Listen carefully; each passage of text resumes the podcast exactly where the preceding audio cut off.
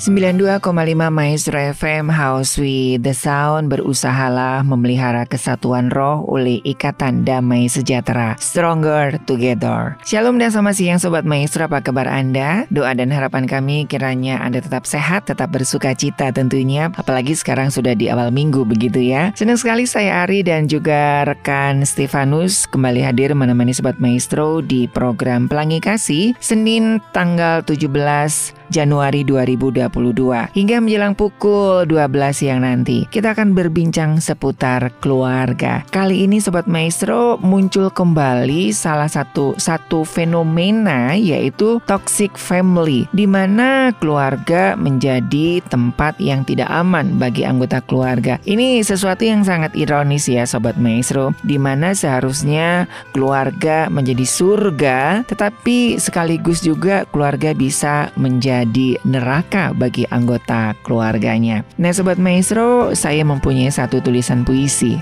dari Khalil Gibran. Anakmu bukanlah milikmu.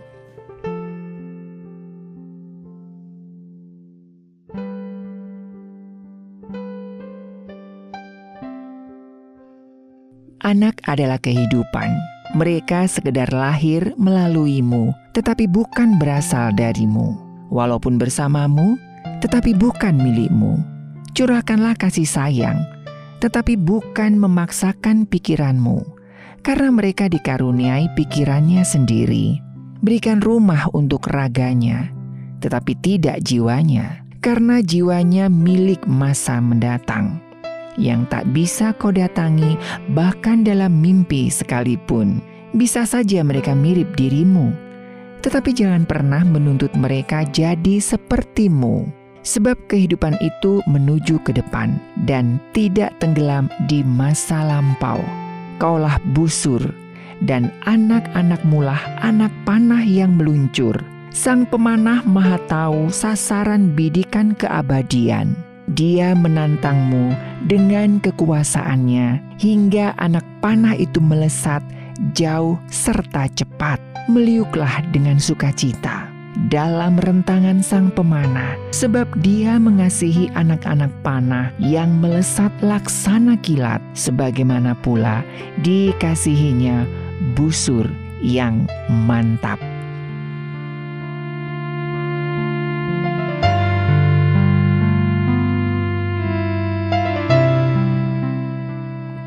Iya, Sobat Maestro, Puisi ini senada begitu ya dengan sang pemazmur yang mengatakan bahwa berbahagialah para pahlawan ia mempersiapkan anak panah ya dengan begitu rupa sehingga ketika anak panah itu dilesatkan oleh para pahlawan maka anak panah itu tidak akan meleset dari sasaran. Anda adalah busur dan anak-anak kita adalah anak-anak panah Sudahkah kita siap melesatkan busur-busur panah tepat pada sasaran?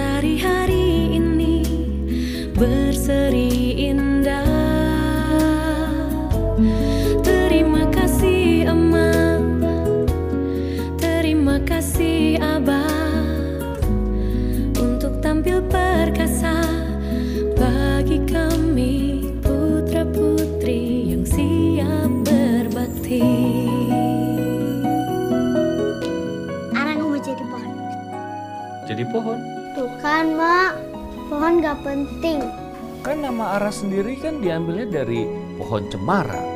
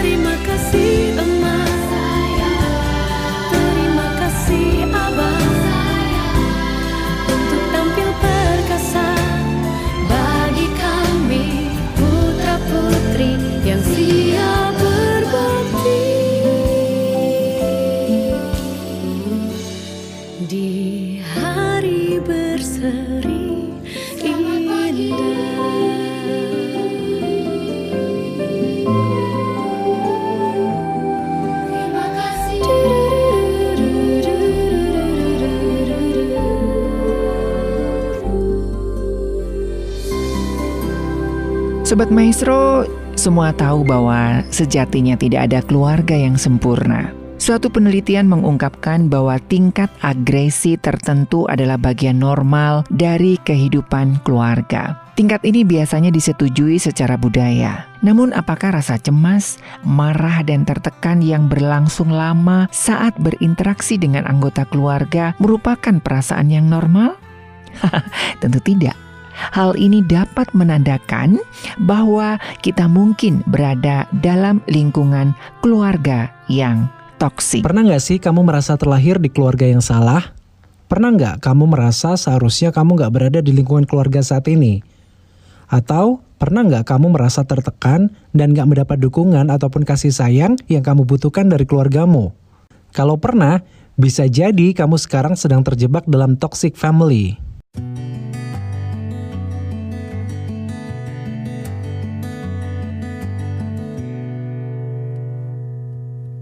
Toxic family.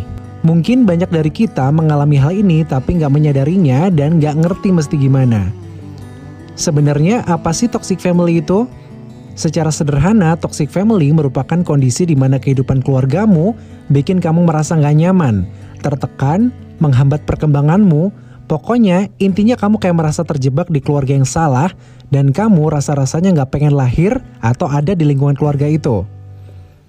Kondisi ini bisa jadi racun bagi kamu yang berbahaya buat kesehatan mental ataupun fisik kamu. Toxic family ini sebenarnya bisa merujuk ke hubungan anak dan orang tua, suami istri, saudara kandung maupun saudara lain seperti om, tante, dan sebagainya. Intinya, siapa pun dalam anggota keluargamu bisa menjadi toksik atau racun yang bisa bikin kamu gak nyaman ada di tengah-tengah mereka. Sebenarnya banyak banget tanda-tanda toxic family, tapi beberapa tanda-tanda umum yang sering terjadi yang mengindikasikan kamu sedang terjebak di toxic family di antaranya, kamu males ketemu mereka. Keluarga seharusnya jadi tempat yang nyaman dan hangat untuk kita. Kita seharusnya bisa mendapatkan semangat dan recharge energi ketika kita kumpul sama keluarga. Tapi kalau kamu ngerasa capek, males, bad mood saat di tengah-tengah keluarga, pasti ada yang gak beres dengan hubungan keluargamu. Berpikiran berlebihan setelah berinteraksi dengan keluarga. Nah, kalau setelah kamu ketemu dan berinteraksi dengan anggota keluargamu, dan kamu mikirin itu secara berlebihan, dan bikin kamu bad mood setiap kali mikirin itu, bisa jadi itu adalah tanda-tanda toxic family. Kamu mencoba menghindari keluarga terus-menerus. Pernah nggak sih setiap kali diajak untuk berkumpul atau ketemu sama keluarga, kamu selalu menghindarinya dengan berbagai macam alasan? Seolah-olah otak dan tubuh kamu ngasih sinyal kalau harus menghindari keluarga karena merasa nggak nyaman dan nggak merasa dicintai. Wah, kalau kamu mengalami ini, kamu pasti udah terjebak di toxic family. Keluarga selalu membuat kesalahan yang sama. Kalau kamu merasa keluarga melakukan kesalahan yang bikin kamu gak nyaman, dan kamu sudah berusaha untuk mengkomunikasikannya tapi nggak ada perubahan dari keluarga, sedangkan mereka selalu aja melakukan kesalahan yang sama, dan kamu terus merasa tersakiti, ini sangat berbahaya loh. Kamu nggak jadi diri sendiri saat bersama keluarga.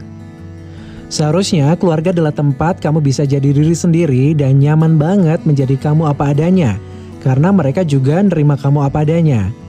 Tapi kalau sebaliknya, kamu harus berpura-pura jadi orang lain dan memakai topeng, ini pasti bikin kamu merasa nggak nyaman dan nggak betah berlama-lama ada di tengah keluarga, ya kan? Merasa kesepian di rumah sekalipun ada anggota keluarga lain. Seharusnya saat berada di rumah dan berkumpul bersama keluarga, kamu ngerasa terhibur dan diperhatikan karena bisa ngobrol tentang berbagai macam hal. Tapi kalau kamu ngerasa sebaliknya, kamu ngerasa kesepian walaupun banyak orang di rumah, dan kamu nggak bisa ngobrol dengan santai dan mendapatkan perhatian yang hangat dari mereka, kamu pasti sedang terjebak di lingkungan toxic family.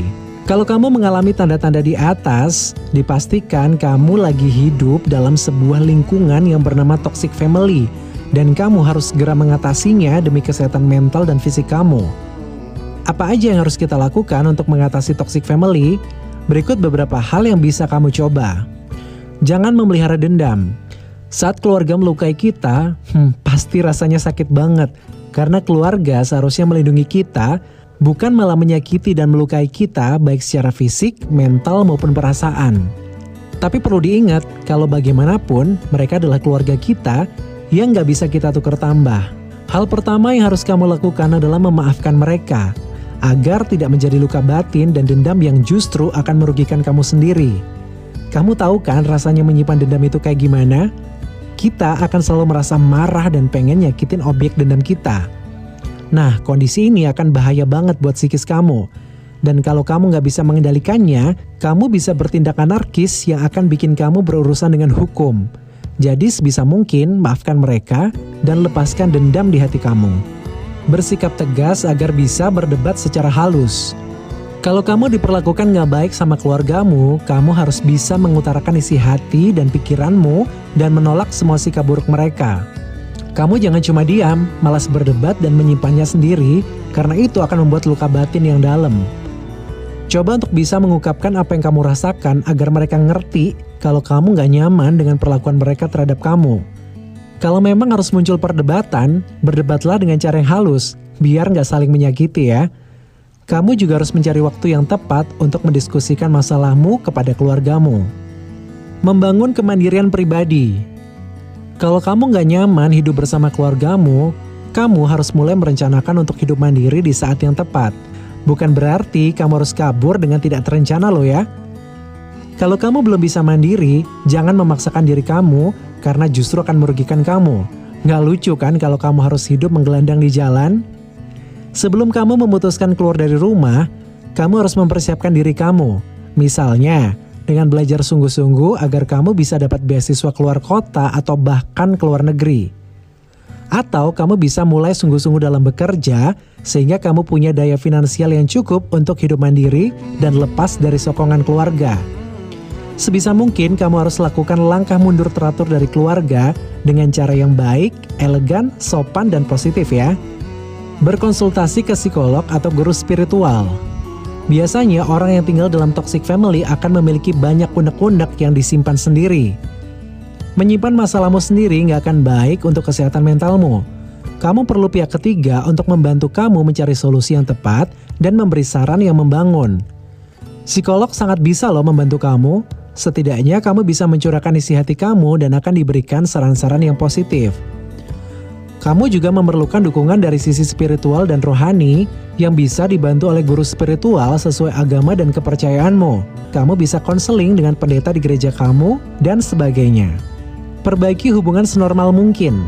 Kamu harus mencoba memperbaiki hubungan dengan keluargamu agar bisa kembali senormal mungkin. Memang sial ini gak mudah, tapi setidaknya kamu harus mencoba ya. Ya, seperti yang sudah aku sampaikan tadi, kita nggak bisa memilih keluarga karena ini adalah anugerah Tuhan. Keluargamu nggak bisa kamu tukar tambah dengan siapa pun. Jadi ya terima aja keadaan ini dan berdamailah dengan keadaanmu. Kalau kamu memang punya niat baik untuk memperbaiki hubungan dengan keluarga, pasti ada jalan untuk itu. Tapi pelan-pelan ya, karena semuanya butuh proses. Oke, kalau kamu bisa mengembalikan kondisi keluargamu yang toksik menjadi keluarga yang normal, selamat ya. Tapi dalam beberapa kasus, toxic family udah nggak bisa diperbaiki lagi. Semakin kamu bertahan hidup bersama mereka, kamu semakin merasa terluka dan dirugikan banget. Lama-lama kamu bisa stres dan depresi akan merusak hidup kamu sendiri. Kalau memang sudah parah banget dan kamu udah nggak tahan dengan keadaan ini, satu-satunya cara kamu harus cari jalan keluar dan memutuskan untuk mengakhiri hubungan toxic family ini. Ini adalah langkah terakhir yang bisa kamu ambil demi kedamaianmu, kesehatan mental, dan fisikmu. Bagaimanapun, kita harus hidup bahagia kan? Gak boleh ada satu pihak pun yang bisa merampas kebahagiaan kita sebagai manusia yang merdeka. Jadi sekarang stop mikirin kebahagiaan orang lain, just focus on your self-happiness.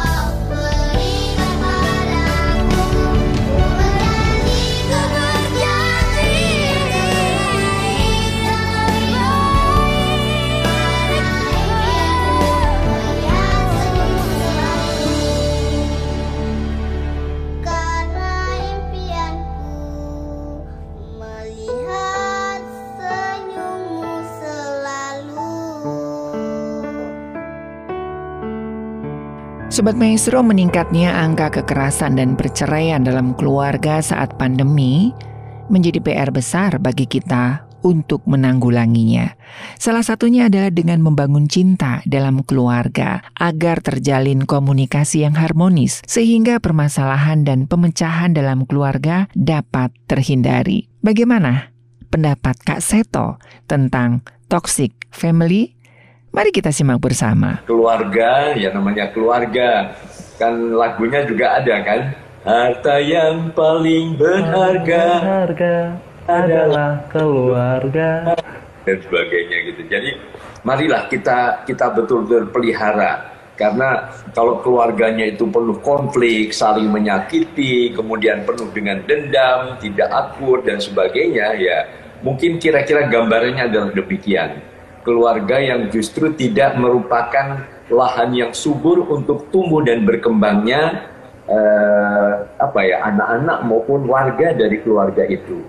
Jadi ini eh, saya kira yang harus selalu diingatkan kepada masyarakat luas ya bahwa kalau kita mempunyai keluarga apa bangsa Indonesia yang yang hebat, yang kokoh, yang maju dan sebagainya, tentu harus dimulai dari keluarga yang paling kecil. Dan keluarga yang paling kecil adalah keluarga di mana ada ayah, bunda dan kemudian anak-anak. Begitu.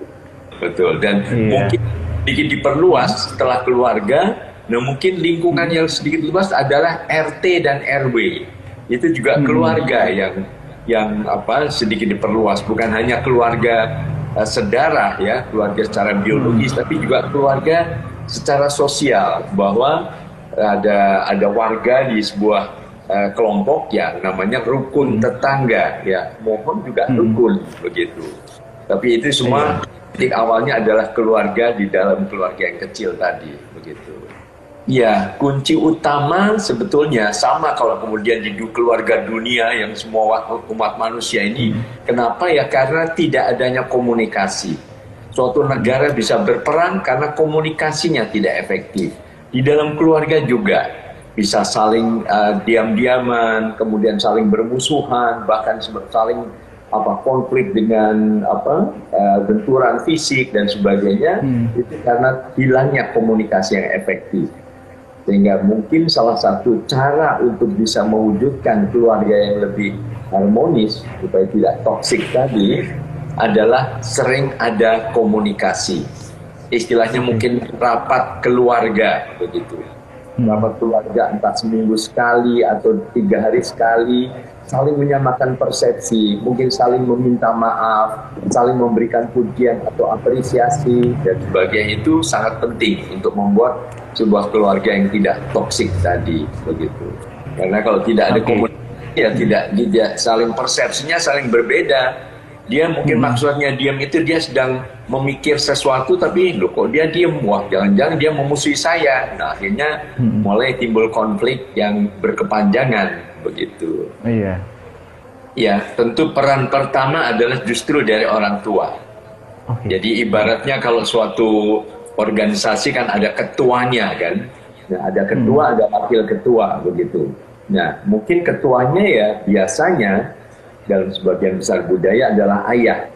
Ayah adalah ketuanya, kemudian ibu sebagai wakil ketuanya. Jadi kalau itu mengambil inisiatif itu tentu dari eh, pihak ayah dan bunda atau ayah dan ibu dulu. Tetapi mungkin juga di dalam sebuah organisasi kan kadang-kadang juga ada suara dari bawah, suara dari staf atau eh, anggota. Anggotanya adalah anak-anak. Bisa saja seorang mengatakan, ayah, bunda, boleh nggak nanti rapat keluarganya dipercepat? Karena ada beberapa hal yang ingin aku tanyakan supaya tidak saling berbenturan. Misalnya apa penggunaan apa eh, telepon di rumah atau mungkin penggunaan apa eh, laptop untuk mungkin ada acara-acara akan dipakai ayah webinar atau tapi kalau eh, apa anak mungkin akan dipakai untuk eh, mendengar penjelasan dari apa guru misalnya. Karena belajar sekarang kan online ya supaya waktunya Iya. tidak berbenturan itu perlu ada rapat keluarga lalu disusun oh jam sekian jam sekian untuk ayah jam sekian ini untuk anak nomor dua. Yang ini yang lebih mendesak eh, ini berikutnya untuk bunda dan sebagainya. Jadi dengan adanya komunikasi yang efektif, lalu ada koordinasi juga yang efektif, kemudian ada evaluasi dan sebagainya, maka semuanya akan menjadi lebih jelas dan persepsinya bisa sama begitu. Iya, dan akhirnya juga apa tidak ada sesuatu yang otoriter, tapi suasananya dibangun lebih demokratis. Bahwa suara anak ya ibaratnya suara masyarakat, suara rakyat itu juga didengar, sehingga akhirnya semua untuk atau mengedepankan kepentingan terbaik bagi seluruh keluarga. Ya, tanda-tanda uh, yang paling pertama adalah sudah hilangnya komunikasi. Ya, misalnya saling diam, misalnya. Ya, tidak ada, ini kok udah berapa lama tidak saling berbicara, misalnya.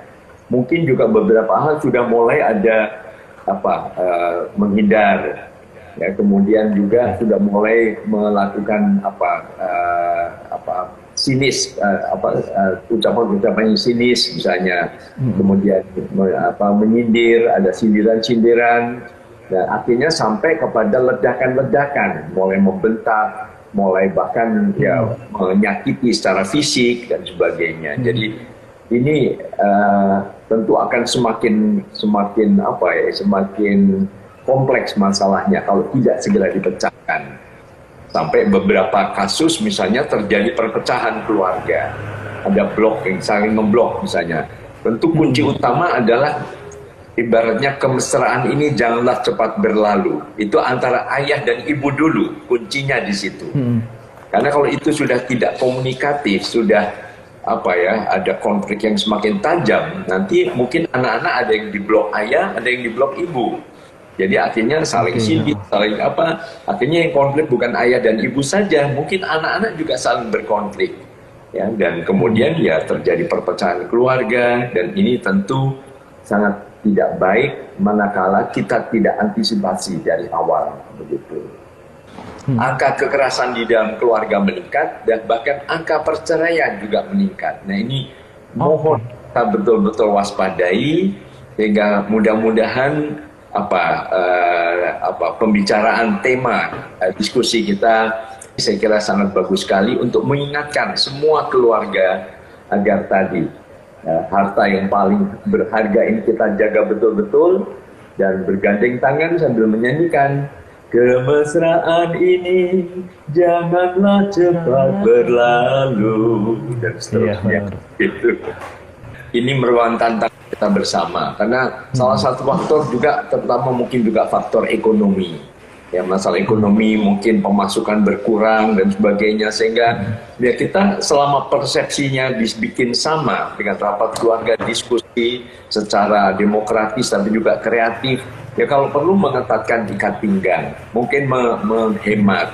Ya mungkin juga melatih kreativitas untuk bisa memecahkan problem-problem ekonomi Ya, kemudian juga kadang-kadang apa sumpah di rumah, kemudian tidak ada apa uh, hiburan yang seperti biasa misalnya bisa ketemu dengan teman-teman, bisa pergi ke sekolah atau yang sudah remaja, sudah kuliah uh, bisa ketemu dengan teman-teman kuliah di kampus. Nah, keadaan ini juga membuat apa meledaknya emosi-emosi negatif tadi yang berdampak pada semakin tajamnya konflik di dalam keluarga tadi. Nah itu semua harus diantisipasi dengan cara tadi rapat keluarga atau mungkin istilahnya sidang umum MPR, Majelis Permusyawaratan Rumah begitu. Oke. Okay. Iya, itu tadi uh, karena konflik ini kan bukan hanya secara apa ya mental atau psikologis, tapi kadang-kadang juga kekerasan fisik. Ya. Sehingga sampai ada mungkin kita juga dengar juga seorang yang ya entah entah anak yang sampai melukai atau membunuh antara suami dengan istri juga melakukan suatu kekerasan fisik dan sebagainya. Nah ini tentu hmm. tidak kita harapkan bersama. Makanya salah satu upaya adalah pencegahan itu yang paling utama. Pencegahannya hmm. tadi sering-seringlah ada pertemuan keluarga dan ini bisa dilakukan bukan hanya anak setelah remaja, anak usia TK pun bisa diajak rapat keluarga dengan hmm. yuk kita ngobrol-ngobrol misalnya apa mendongeng atau apa tapi kemudian juga mendengar suara anak. Nah sekarang menurut apa adik apa sih yang kamu nggak suka dari ayah atau dari ibu misalnya aku aku suka ibu pinter dongeng tapi kadang-kadang ibu gampang marah kadang aku dibentak aku sedih deh misalnya nah, itu sudah bagian dari tadi rapat keluarga sehingga ada sesuatu yang mungkin perlu kita ubah bahwa kalau dia mungkin apa uh, tantrum gitu marah-marah itu ya mungkin karena kita sendiri memulai dengan uh, mendidik anaknya dengan cara yang terlalu kasar dan sebagainya. Hmm. Jadi perlu tadi dipadukan antara apa ya pertemuan tapi juga berkreasi bersama. Kadang-kadang berkreasi, yuk kita bikin lagu bersama. Apa? Lagu tentang corona. Kita bikin, ayo kita lawan itu virus corona. Nah, yuk kita lawan bersama-sama. Caranya gimana? Ya jaga kesehatan misalnya. Jadi dengan apa ya berkreasi bersama, membuat lagu, membuat lukisan, membuat puisi, atau bisa membuat kumpulan cerita pendek bagaimana hmm. yang remaja menghadapi corona, bagaimana bunda di, uh, menghadapi corona dengan memasak masakan-masakan yang sehat atau membuat kue corona? Bentuknya seperti corona supaya cepat hilang kita ganyang kita makan sampai habis misalnya hal-hal yang merangsang kreativitas itu membuat keluarga juga semakin kompak semakin mesra semakin akrab begitu. Dengan cara begitu juga hmm. akan melahirkan apa ya ide-ide bersama sehingga kita melihat ada satu visi yang jelas, tujuan yang jelas yang kita akan capai bersama-sama dengan cara bergandeng tangan dan merapatkan barisan begitu.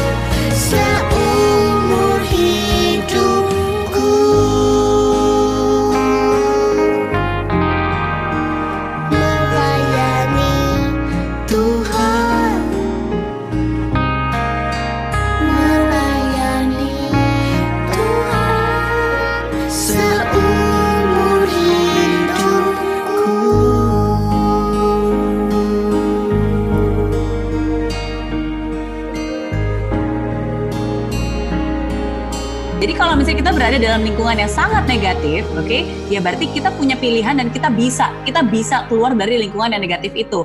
Apalagi, tapi susah nih sekarang zaman zaman covid ya kan, eh, ada suara di mana-mana dan seterusnya. Justru saya bilang justru karena sekarang covid, kalian nggak bisa ke mana-mana. Jadi sebenarnya suara-suara itu datangnya dari mana sih? Datangnya kan dari TV, dari WhatsApp, ya kan? Jadi kalau kalian nggak mau dengerin mereka bisa nggak? Ya bisa, matiin aja WhatsApp-nya. Ya kan jangan terlalu dibaca, matiin aja TV-nya, ganti channelnya. Tapi jus- justru saat ini, di mana kita berada di dalam situasi di mana kita nggak ke mana-mana, ya kita sebenarnya lebih punya kendali untuk mengendalikan perkataan dan menyaring gitu komentar-komentar seperti apa yang masuk dengan siapa kita mau berada di dalam grup WhatsApp itu gitu dan uh, memang ada grup-grup yang negatif tapi banyak juga kok ada orang-orang yang positif oke dan again jangan pernah menganggap bahwa saya nggak punya pilihan that's wrong that's the biggest mistake yang akan menghancurkan hidup hidup kita semua itu akan menghancurkan hidup anda ketika anda bilang bahwa tapi Miss Mary saya nggak punya pilihan you always have a choice. Anda selalu punya pilihan. You always have a choice gitu. Jadi you always have a choice. You always have a choice untuk bisa memilih mendengarkan perkataan orang yang bilang, eh janganlah, jangan begitu, oke? Atau kamu percaya dengan diri kamu sendiri, oke? Um, orang sih gampang ngomong apa karena yang ngerasain kan bukan dia, yang efeknya dampaknya juga bukan dia, ya kan? Yang rugi juga bukan dia nantinya. Tapi yang, yang penting adalah apa yang kamu katakan terhadap diri kamu sendiri. Itu yang paling penting. Oke, nah itu yang pertama ya. Nah, tapi yang yang kedua nih yang yang yang paling susah ya itu benar, yaitu bisikan. Bisikan itu adalah orang-orang yang berada di, di paling dekat dengan kita, mungkin suami kita, istri kita. Nah, karena kalau suara-suara dari luar itu lebih gampang untuk di, didiamkan ya dan dicuekin. Tapi kalau bisikan orang yang sangat terdekat dengan kita, misalnya kayak orang tua, anak, istri, suami gitu ya. Nah, itu yang akan lebih sulit.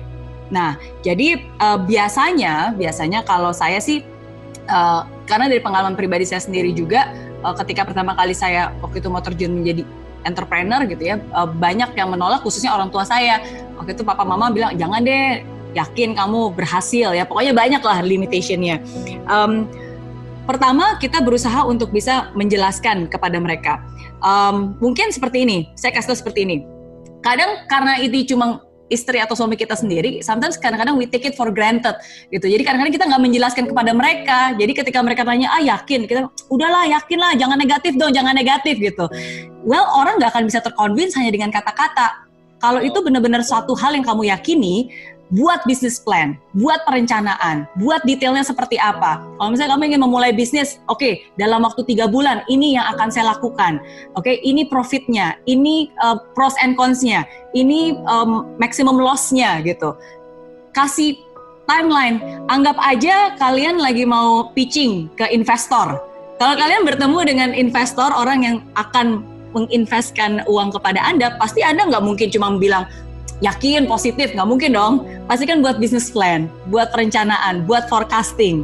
Nah hal yang sama juga yang harus kalian lakukan kepada mungkin suami orang tua gitu. Karena ketika mereka melihat bahwa oh wow this is serious. Anda benar-benar buat plan buat perencanaan bukan hanya ngomong doang ya tapi benar-benar real mungkin dengan itu mereka akan bisa melihat keseriusan Anda. Dan mungkin dengan itu mereka akan bisa memberikan masukan, uh, mereka akan bisa lebih mensupport.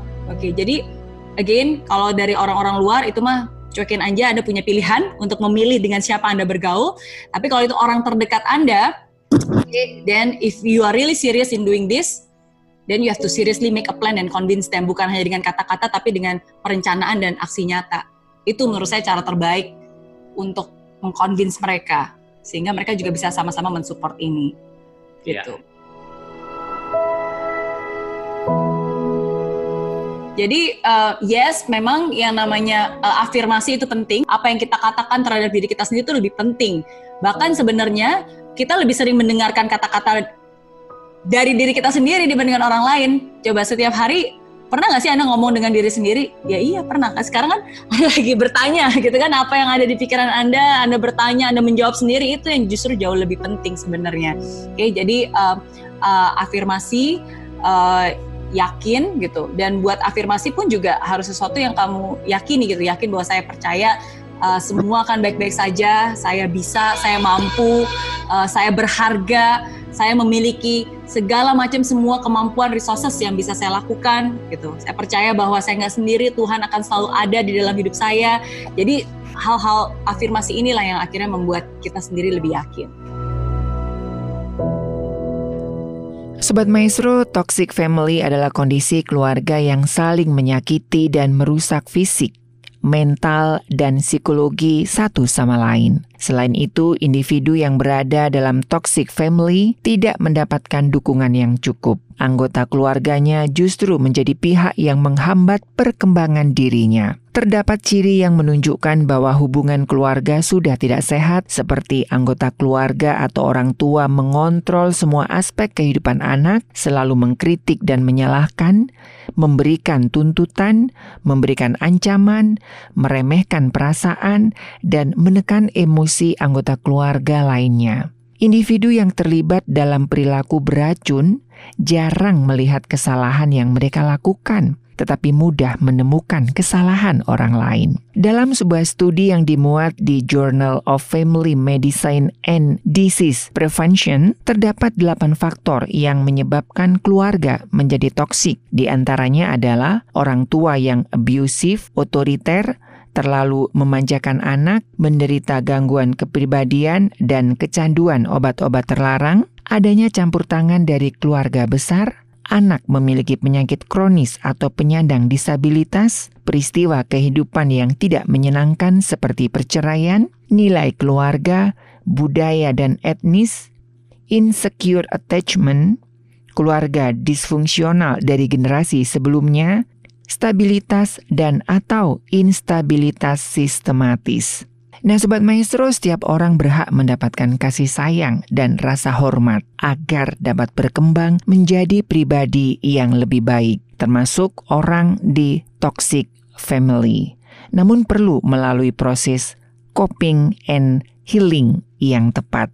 Semoga informasi yang sudah kami hadirkan bisa memberikan informasi yang positif dan inspirasi bagi Anda. Apakah Anda sedang dalam situasi toxic family? Terima kasih untuk beberapa sumber dan juga terima kasih untuk Kak Seto yang sudah menginspirasi kita di Pelangi Kasih. Dari Geda Maestro, Jalan Kaca Piring 12 Bandung, saya Ari dan rekan Stefanus mengundurkan diri. Percayalah Tuhan akan menyediakan kemenangan bagi kita saat kita bersatu. Stronger together. Selamat siang dan Tuhan memberkati.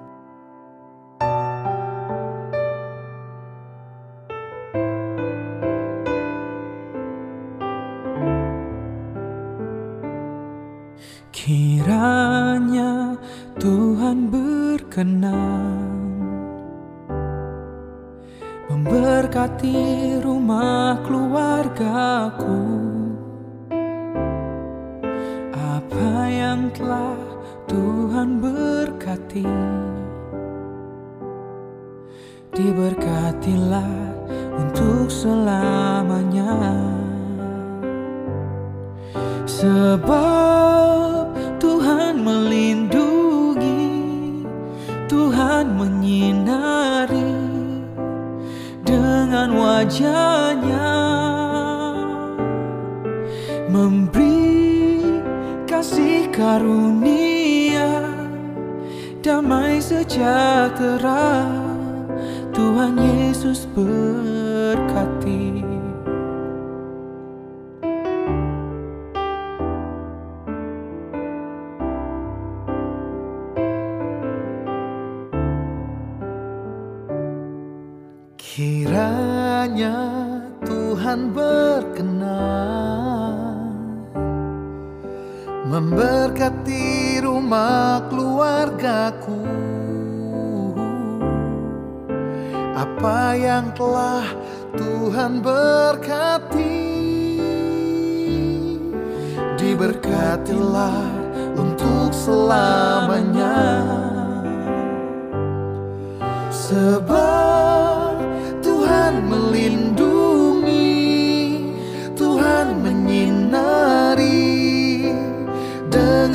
Wajahnya, memberi kasih karunia, damai sejahtera. Tuhan Yesus berkati.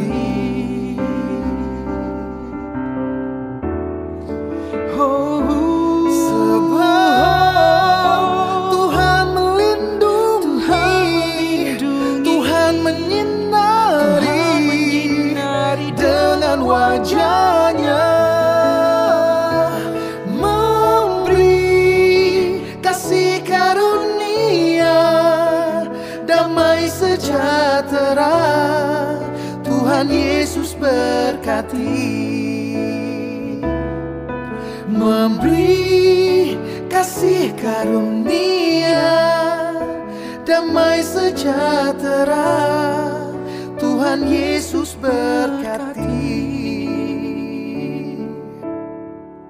Tuhan menghadapkan wajahnya kepadamu dan memberi engkau damai sejahtera.